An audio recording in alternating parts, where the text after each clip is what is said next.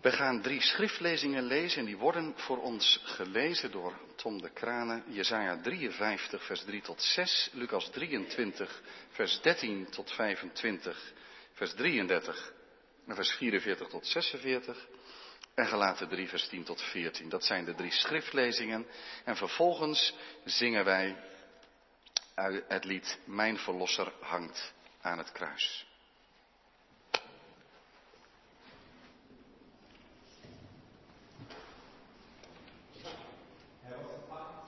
De onwaardigste onder de mensen.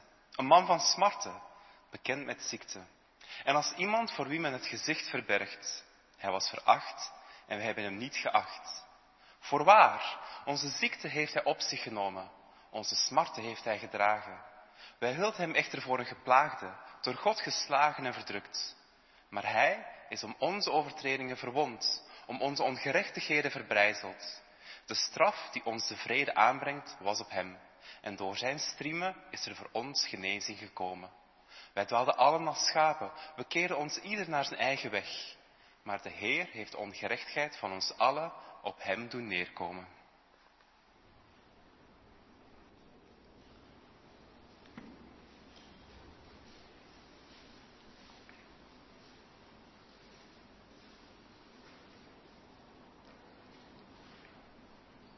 Nadat Pilatus de overpriesters en de leiders en het volk bijeengeroepen had, zei hij tegen hen, u hebt deze mens naar mij toegebracht als iemand die het volk afvallig maakt. En zie, ik heb hem in uw aanwezigheid ondervraagd, maar ik heb in deze mens niets gevonden dat hem schuldig maakt aan de dingen waarvan u hem beschuldigt.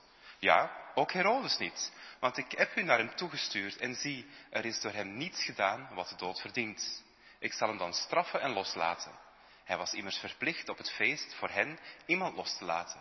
Maar de hele menigte schreeuwde als één man, weg met deze en laat voor ons Barabbas los. Dat was iemand die om een of andere oproer dat in de stad plaatsgevonden had en om een moord in de gevangenis geworpen was.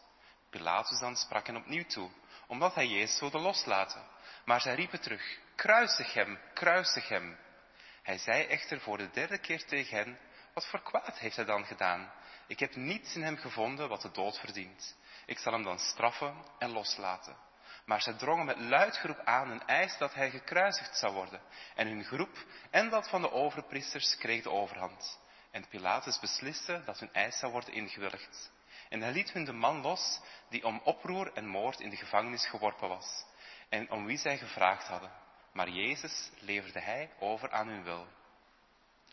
Toen zij op de plaats kwamen die schedel genoemd werd, kruisten ze hem daar, met de misdadigers, de een aan de rechter en de ander aan de linkerzijde. En het was ongeveer het zesde uur, en er kwam duisternis over heel de aarde tot het negende uur toe. En de zon werd verduisterd, en het voorhangsel van de tempel scheurde midden door. En Jezus riep met luide stem en zei, Vader, in uw handen beveel ik mijn geest. En toen hij dat gezegd had, gaf hij de geest. Toen de hoofdman over honderd zag wat er gebeurd was, verheerlijkte hij God en zei, werkelijk, deze mens was rechtvaardig. En al de menigte die samengekomen waren om te zien, om dit te zien, zagen wat er gebeurd was en keerden terug, terwijl ze zich op de borst sloegen.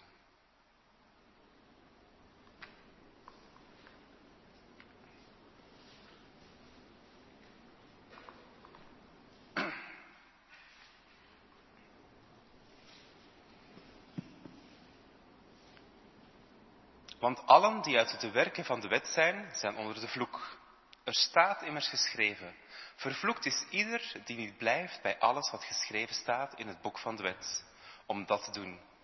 En dat door de wet niemand gerechtvaardigd wordt voor God, is duidelijk, want de rechtvaardige zal uit het geloof leven. Maar voor de wet is het niet, uit geloof. Maar de mens die deze dingen doet, zal daardoor leven. Christus heeft ons vrijgekocht van de vloek van de wet door voor ons een vloek te worden. Want er staat geschreven, vervloekt is ieder die aan een hout hangt. Opdat de zegen van Abraham in Christus Jezus tot heiden zou komen. En opdat wij de belofte van de geest zouden ontvangen door het geloof. Artikel 4 van de, Nederlandse, van de apostolische geloofsbelijdenis zet ons stil bij Het lijden van onze Heer Jezus Christus en ook zijn sterven. In dat artikel zien wij de volgende woorden. Die geleden heeft onder Pontius Pilatus, is gekruisigd, gestorven en begraven, neergedaald in de hel. Gemeente van onze Heer Jezus Christus, broeders en zusters, er is veel lijden in de wereld. Je wordt er telkens mee geconfronteerd. Soms heb je er zelf mee te maken. En soms wijd je er ook gedachten aan. Wat moeten we met dat lijden? Hoe denken wij erover? Want als je zoals in onze maatschappij ziet dat het geloof wegcijpelt uit de samenleving en we worden steeds meer seculier, dan, dan worden we teruggeworpen op wie we zelf zijn en dan bestaat het leven, zoals ooit eens iemand zei, uit de kunst van het vermijden van pijn en lijden. We willen dat allemaal vermijden. En ik denk dat wij als moderne mensen in een seculiere, niet-gelovige cultuur nog meer die neiging hebben. Zeker in dit deel van de wereld, waar we heel veel lijden kunnen vermijden. Dat we voortdurend bezig zijn met hoe kan ik gelukkig zijn? En hoe hou ik lijden buiten de deur? Maar er is veel lijden. Je zou ook kunnen zeggen, ja, lijden is simpelweg de wil van God. En je moet het vooral maar goed dragen om bij God in de gunst te komen. Maar dat zou meer een islamitische gedachte zijn dan een christelijke. Je zou ook kunnen zeggen, lijden, ja, dat hoort bij het wezen van het bestaan. En je kunt maar beste het lijden omarmen. En het zelfs ook wel omarmen als iets goeds. Ja, dat zou meer een boeddhistische gedachte zijn dan een christelijke. Ik roep ze even op om te vragen, en, en wij dan? Hoe staan wij tegenover het lijden? Wat beleiden wij? Wij beleiden dat God het lijden tot in de kern aanpakt. Neem dat maar letterlijk. Hij pakt het aan. Hij pakt het beet. Hij raakt het aan. God geeft niet alleen hulp in lijden, hij deelt zelf in het lijden. En dat is zo bijzonder. Want het lijden komt volgens de Bijbel en volgens het christelijk geloof niet bij God vandaan.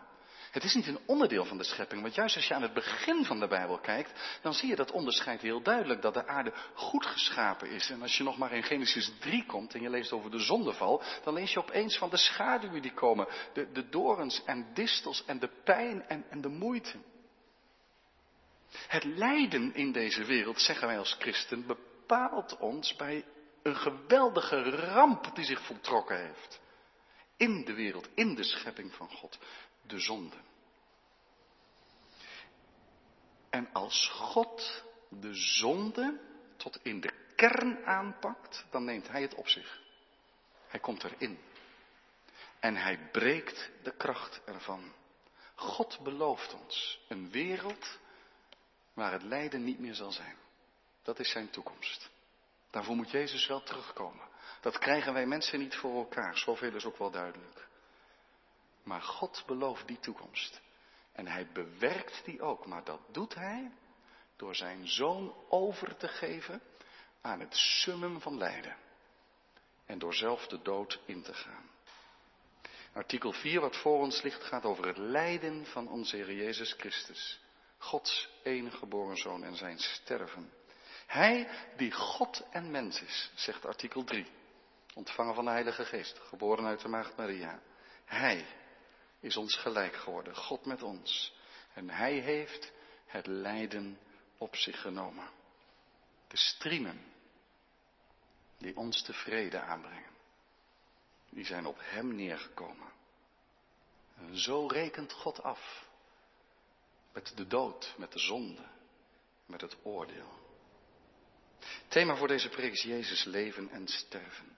Dus apart is dat na artikel 3 over de geboorte van de Heer Jezus, het direct over het lijden van hem gaat. En de vorige keer stipte ik al even kort aan Sommigen missen iets. Die zeggen, ja, dat is een te grote sprong. Hoe kun je nou in één keer van de geboorte naar de leidersgeschiedenis, van kerst naar Goede Vrijdag, daar zit toch iets tussen.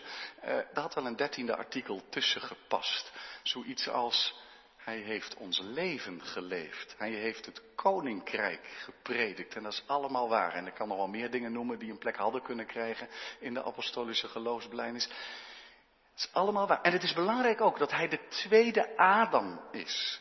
Dat hij niet alleen komt om de schuld weg te dragen, maar ook om gehoorzaamheid te geven aan de Vader en de wet te vervullen. Wij denken vaak, Christus, het lam van God dat de zonde der wereld wegdraagt. En dat is hij en dat is zo belangrijk. Maar het is ook belangrijk dat hij gekomen is om de wil van God te doen. En het koninkrijk te prediken en daar iets van te laten zien. Dat is allemaal heel belangrijk, ook voor ons geloof. En toch zeg ik vanmiddag dat onze geloofsblijdenis hier niks overslaat, maar eigenlijk dat hele leven van Jezus typeert als een leven van lijden. Dat is niet omdat ze iets vergeten zijn, had iets genoemd kunnen worden, goed, dan ga ik niet eindeloos halen, maar hij kwam om te lijden. Zijn leven is belangrijk, maar we weten er ook niet heel veel van. Op zijn meest, als je de evangelie allemaal naast elkaar legt, kun je zeggen, wij weten van drie jaren en wij weten van de twaalf jaar dat hij even in de tempel was. Maar voor de rest weten we niet veel. Ja, in zijn jonge jaren dat hij gevlucht is naar Egypte. Maar, maar daar hebben we het dan ook echt al over het lijden van de Heer Jezus. Johannes 1 zegt, hij is gekomen tot het zijne en de zijnen hebben hem niet aangenomen. Dat is het evangelie in de notendop. En vervolgens gaat het natuurlijk verder hoe, hoe, hoe hij het, het offer brengt en toch degene die geloven macht geeft om zijn kinderen te worden. Maar als je de evangelie leest, lijkt wel alles haast in dat teken te staan van dat lijden. Is gekomen tot het zijne. De zijnen hebben hem niet aangenomen. Het begint was er al geen plaats in de herberg, daarom in de kribben. En even later zegt Jezus, wil je mij volgen? Weet je wel dat de vossen holen hebben, de vogels nesten, maar de zoon des mensen heeft geen plek om zijn hoofd neer te leggen. En dat loopt uit in het kruis. het kruis betekent eigenlijk dat er voor hem geen plaats meer op aarde is, maar er is ook geen plaats voor hem in de hemel. Hij hangt er tussenin, aan het kruis op Golgotha. En daarom zegt onze catechismus, de Heidelbergse catechismus, in zondag 15, wat verstaat u onder het woordje geleden? Dat hij tijdens heel zijn leven op aarde, maar natuurlijk in het bijzonder aan het einde daarvan, Gods toorn tegen de zonde van heel het menselijk geslacht aan lichaam en ziel gedragen heeft, om met zijn lijden en sterven dat offer te brengen. Voor Jezus kwam het lijden er niet bij. Het was zijn leven. Moet je even bij stilstaan.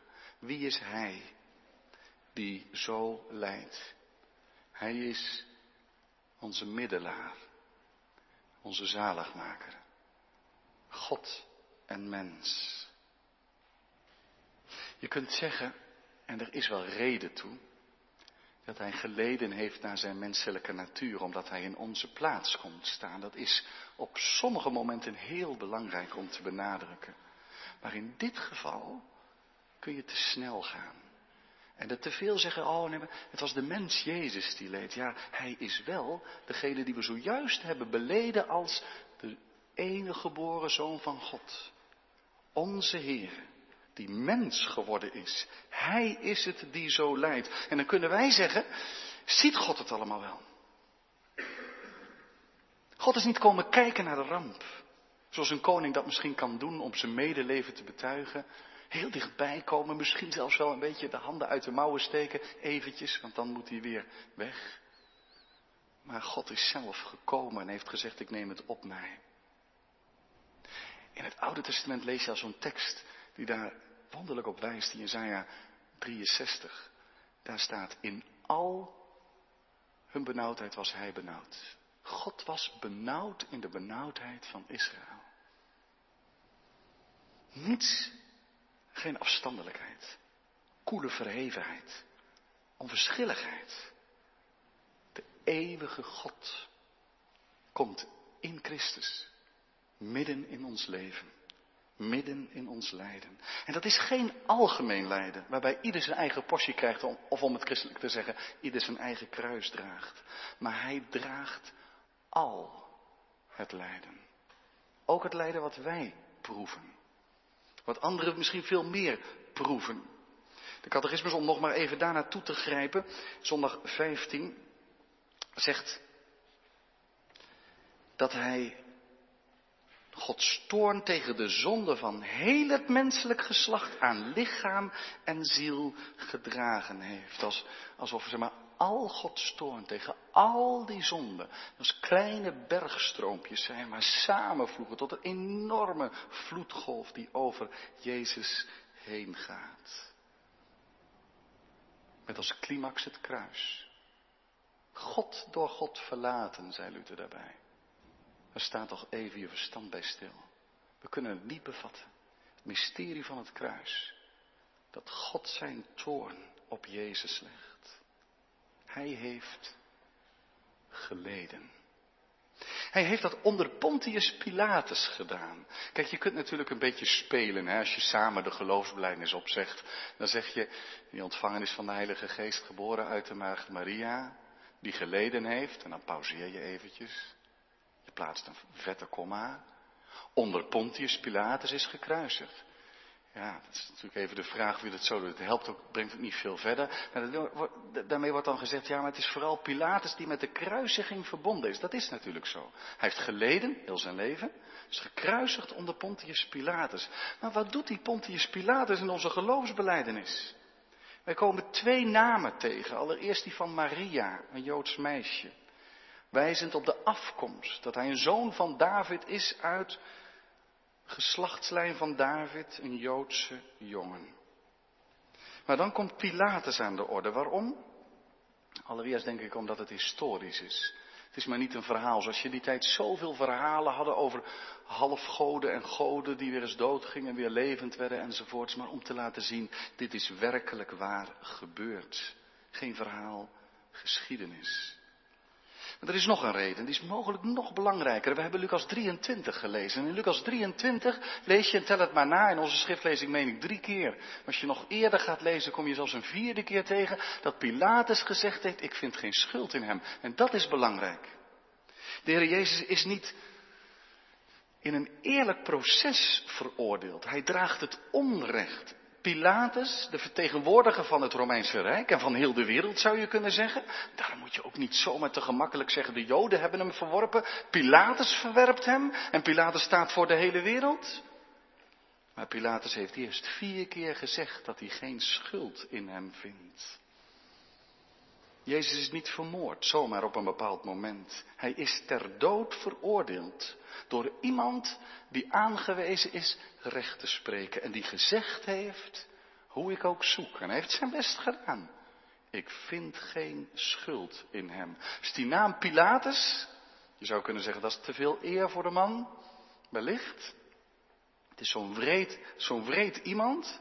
En hij staat toch in onze geloofsbeleidenis. Maar zijn naam herinnert ons eraan dat Jezus niet voor zichzelf gestorven is. Maar hij droeg het onrecht. En ging de weg onschuldig. Hoeveel mensen lijden er niet onder bitter onrecht.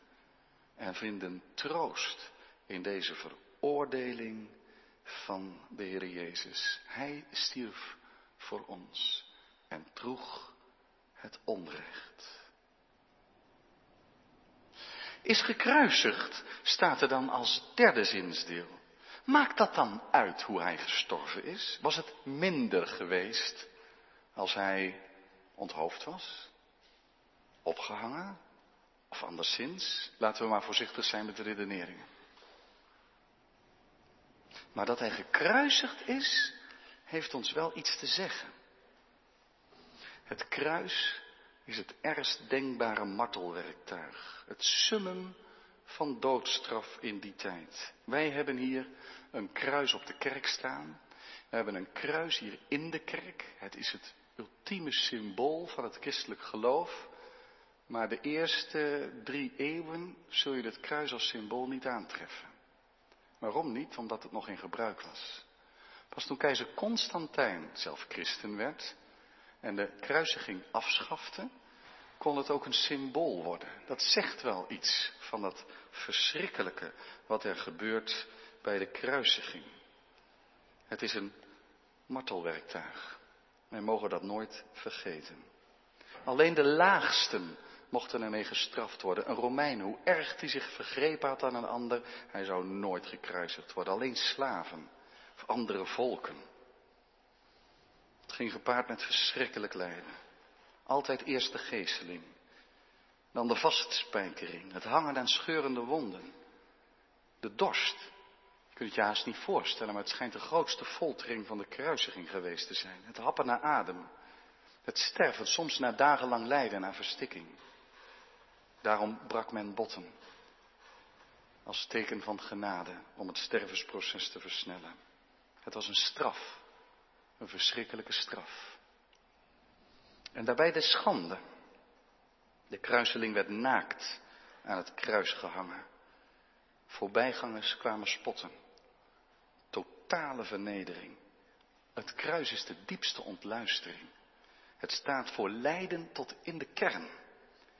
Voor de diepste vernedering. En het staat ook voor het kwaad wat mensen elkaar blijkbaar kunnen aandoen. Is dat ook niet een aspect van het kruis? Het symbool van Gods liefde. Is het kruis ook niet? Wat kunnen mensen elkaar doen aan vreedheid? Ik noemde het woord straf. Ik noemde het woord schande. We lazen ook gelaten drie en daar hoort het woord vloek bij. Apostel Paulus zegt, naar aanleiding van een woord in het Oude Testament, vervloekt is een ieder die aan het hout hangt. De kruisiging was een diepe vloek. Hoe kun je dan nog bidden aan het kruis? Dat kun je maar beter opgeven. Je bent een gevloekte. En Paulus zegt dan, en daar, daar kom je dan bij de, de betekenis van het kruis. Als wij ons niet aan de wet van God in al zijn volmaaktheid houden, dan, dan liggen we onder de vloek. Vervloekt is een ieder die niet blijft in alles wat geschreven staat in de wet van God. Gaat over ons. Wie kan dat? In alles blijven. We staan onder de vloek. Waarom is hij gekruisigd? Omdat hij die vloek van ons ging dragen. Colossense zegt ergens met een ander beeld, hij heeft het handschrift van de zonde. Alles wat tegen ons opgeschreven kan worden, alles wat die vloek ondersteunt, alle beschuldigingen, alle aanklachten, die heeft hij meegenomen. En met zijn lichaam laten vastspijkeren aan het kruis van Golgotha, om het voor eeuwig weg te doen. Hij vervloekt. Hij de hel in opdat wij nooit meer door God verlaten zouden worden. De apostolische geloofsbeleid spreekt ondertussen met geen woord over de betekenis van het kruis. Het is natuurlijk heel kort. Het lijkt wel alsof het blijft staan bij de feiten alleen. Als wij op zoek gaan naar de betekenis van het kruis, dan kom je allerlei beelden en opmerkingen tegen. Het gaat over verzoening, dat Jezus die vloek wordt. Het gaat over de liefde van God, geopenbaard in het kruis. Het gaat over het lam dat geofferd wordt en de zonde der wereld wegdraagt. En het blijft een mysterie. Het blijft te groot voor onze gedachten. Er zijn er wel die zeggen, er zijn toch wel mensen geweest misschien, dat is toch wel mogelijk, die langer en dieper hebben geleden dan Jezus. Zou het niet? Zeg dat maar niet te snel als je het lijden ziet. Maar toch, hij hing daar niet alleen, hè? De middelste van drie kruiselingen. Op een plek waar vaker dat soort executies plaatsvonden. Het is ongetwijfeld waar dat sommigen fysiek meer geleden hebben dan Jezus. Maar er is iets in dat kruislijden van Jezus dat niet in woorden of beelden te vangen is. Het zielenlijden, de Godverlatenheid. Dat als hij Psalm 22 aanhaalt, mijn God, mijn God, waarom hebt u mij verlaten? Dat dat niet alleen een mooi citaat is van een psalmdichter die God nodig heeft, maar dat dat echt is, werkelijkheid, dat hij van God verlaten werd. Het kruis laat ons Gods glorie zien, Gods recht. Het laat ons Gods liefde zien tot het einde toe. Hij is gestorven, staat er vervolgens bij. Gestorven, ja dat zal wel, want hij was gekruisigd. En toch goed dat het genoemd wordt. In Genesis 3 wordt al gezegd in dat gesprek wat je daar leest voorafgaand aan de zondeval, als je daarvan eet, zul je de dood sterven. De dood als gevolg van de zonde. Romeinen 6, vers 24 onderstreept dat nog eens. Het loon van de zonde is de dood. Je zou kunnen zeggen dat de dood het succes van de zonde is, het eindresultaat. En Jezus is de dood ingegaan. De dood van de Zoon van God. Denk er eens een paar tellen over na. De vorst van het leven. Diezelfde opstanding in het leven is. De eeuwige Zoon van God. God die mens geworden is. Gaat de dood in. Hij sterft. Kijk, je kunt zeggen, en ik kom daar even op terug wat ik eerder noemde. Je kunt natuurlijk zeggen, ja, de mens Jezus sterft. En je hebt gelijk. Wat schiet je ermee op om dan te zeggen bij het kruis dat God stierf? Wat een vaagheid. Brengt dat vaak niet met zich mee? Maar maak je er niet zo makkelijk van af. Het duizelt ons. De zoon van God, God die mens geworden was, het leven loslaat. De middelaar stierf. Laat dat geheim maar staan. God is niet dood gegaan. De eeuwige leeft. Maar de zoon, de mens geworden zoon van God, leed en stierf aan het kruis. Het is zoeken naar woorden voor dit machtige geheim. Want God ging zo ver in zijn liefde. Dat wij wel moeten zoeken naar woorden. Hij is de dood ingegaan. Om de macht van de dood te breken.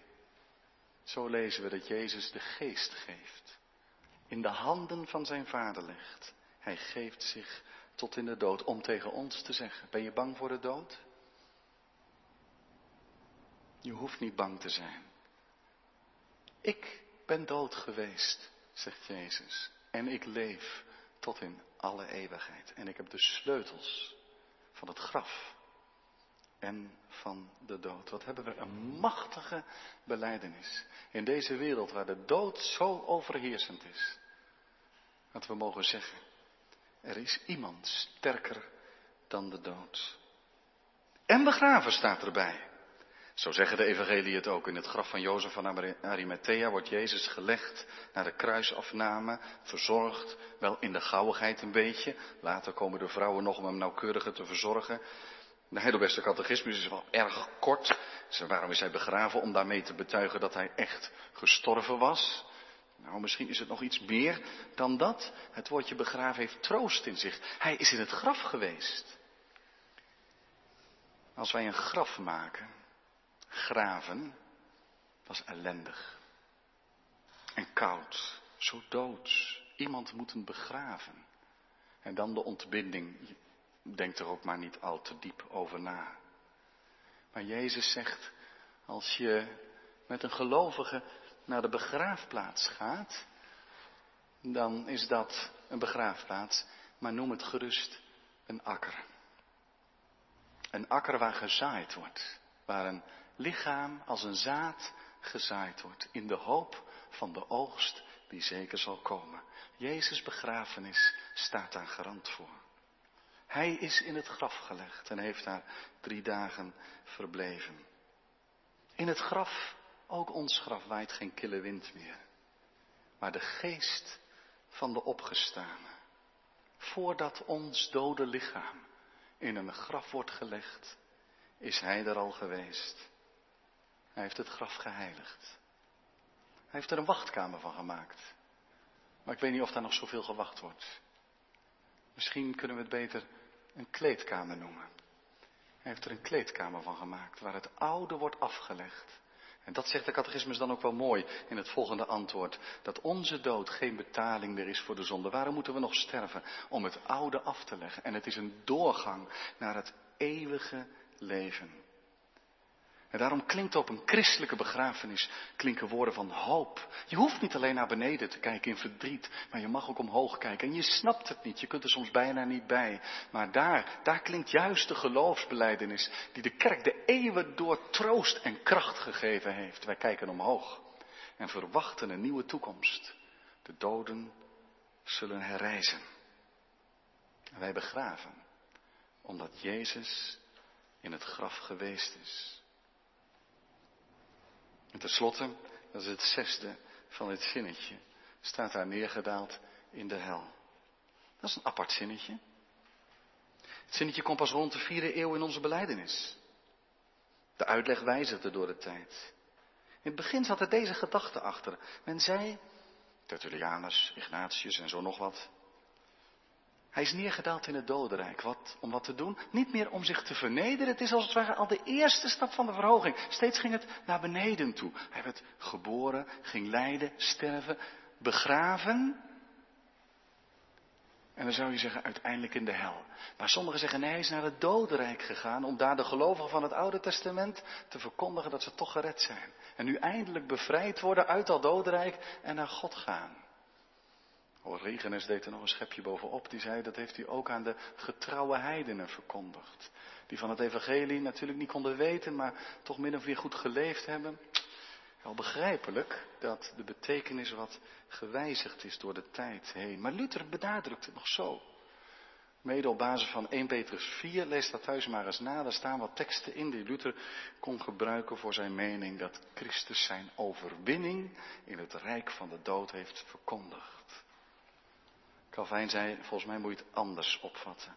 Het is eerder een samenvatting van de leidersweg. Dat ene aspect wat je mogelijk dreigt te vergeten. Namelijk dat hij in de Godverlatenheid terechtkwam. Dat hij zo door God verlaten was, dat is de hel, zelf. Wat is de hel? Dat is de plek waar God niet is. En dat is zo erg dat God zijn gezicht van je wegdraagt.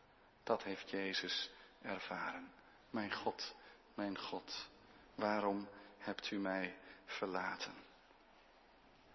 het klassieke avondmaalsformulier staat dat zo mooi. In die lijnen, hij werd gebonden, opdat hij ons zou ontbinden. Hij heeft onnoemelijk veel smaad geleden, opdat wij nooit meer te schande zouden worden. Hij is onschuldig ter dood veroordeeld, opdat wij in Gods gericht vrijgesproken zouden worden. Hij heeft de vervloeking van ons op zich geladen, opdat hij ons met zijn zegen zou vervullen. En hij heeft zich met lichaam en ziel aan het kruishout vernederd, tot in de allerdiepste smaad en angst van de hel. Toen hij met luide stem riep, mijn God, mijn God, waarom hebt u mij verlaten? Opdat wij door God aangenomen en nooit meer door hem verlaten zouden worden. Hoe je dat laatste regeltje ook uitlegt, er is geen verplichte uitleg. Er is geen één exegese van deze apostolische geloofsblijdenis die het moet doen. Maar het is wel prachtig hoe in vraag en antwoord 44 van de Heidelbergse catechismus dit wordt uitgelegd. Daar staat, waarom staat daar neergedaald in de hel? En dan staat daar zo mooi, opdat ik in mijn hevigste aanvechtingen